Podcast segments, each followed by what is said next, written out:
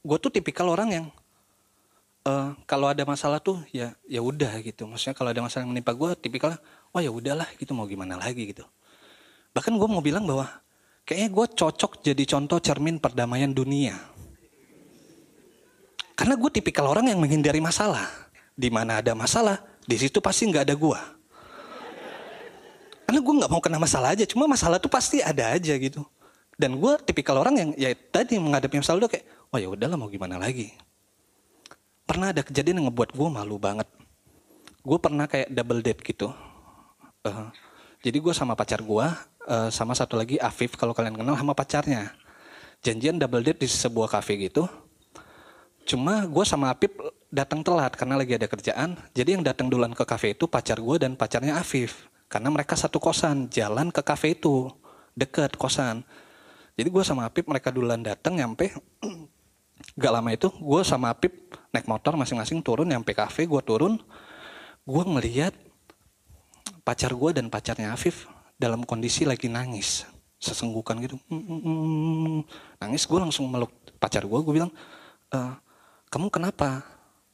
Iya aku sama pacarnya Apip tadi di jalan diludahin orang. Terus gue cuma kayak ya, ya, ya udah sabar ya kamu gue peluk dia gue sabarin dia sabar ya kamu. Cuma reaksi berbeda diberikan Apip. Apip turun dari motor tahu ceweknya diludahin dia mana orangnya? Kita samperin. Ditarik tangan ceweknya mana orangnya? Ayo kita samperin. Kita pukul. Terus gue ngeliat kayak anjing gagah banget nih orang.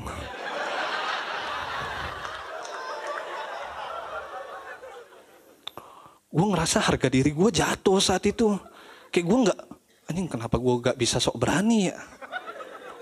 Karena ngeliat api berani banget. Mana orangnya? Kita samperin, kita pukul. Anjing gue bilang, anjing, ngerusak pasaran si bangsat. Karena gue cuma bisa nenangin dia, gue dia udah sama sabar ya, kamu sabar ya, gitu doang. Gue malu-malu banget akan kejadian itu, malu banget. Gue gak berani ngebahas hal itu lama banget, karena gue malu. Cuma sampai akhirnya gue ada di titik berdamai bahwa kayak oh ya udahlah emang ini diri gua. Mau gimana lagi? Gua samperin cewek gua. Gua tanya e, yang soal kejadian kamu diludain waktu itu kamu malu nggak sih punya pacar kayak aku? Karena aku nggak seberani Afif waktu itu. Dan jawaban yang dia keluarin yang bikin gua kaget.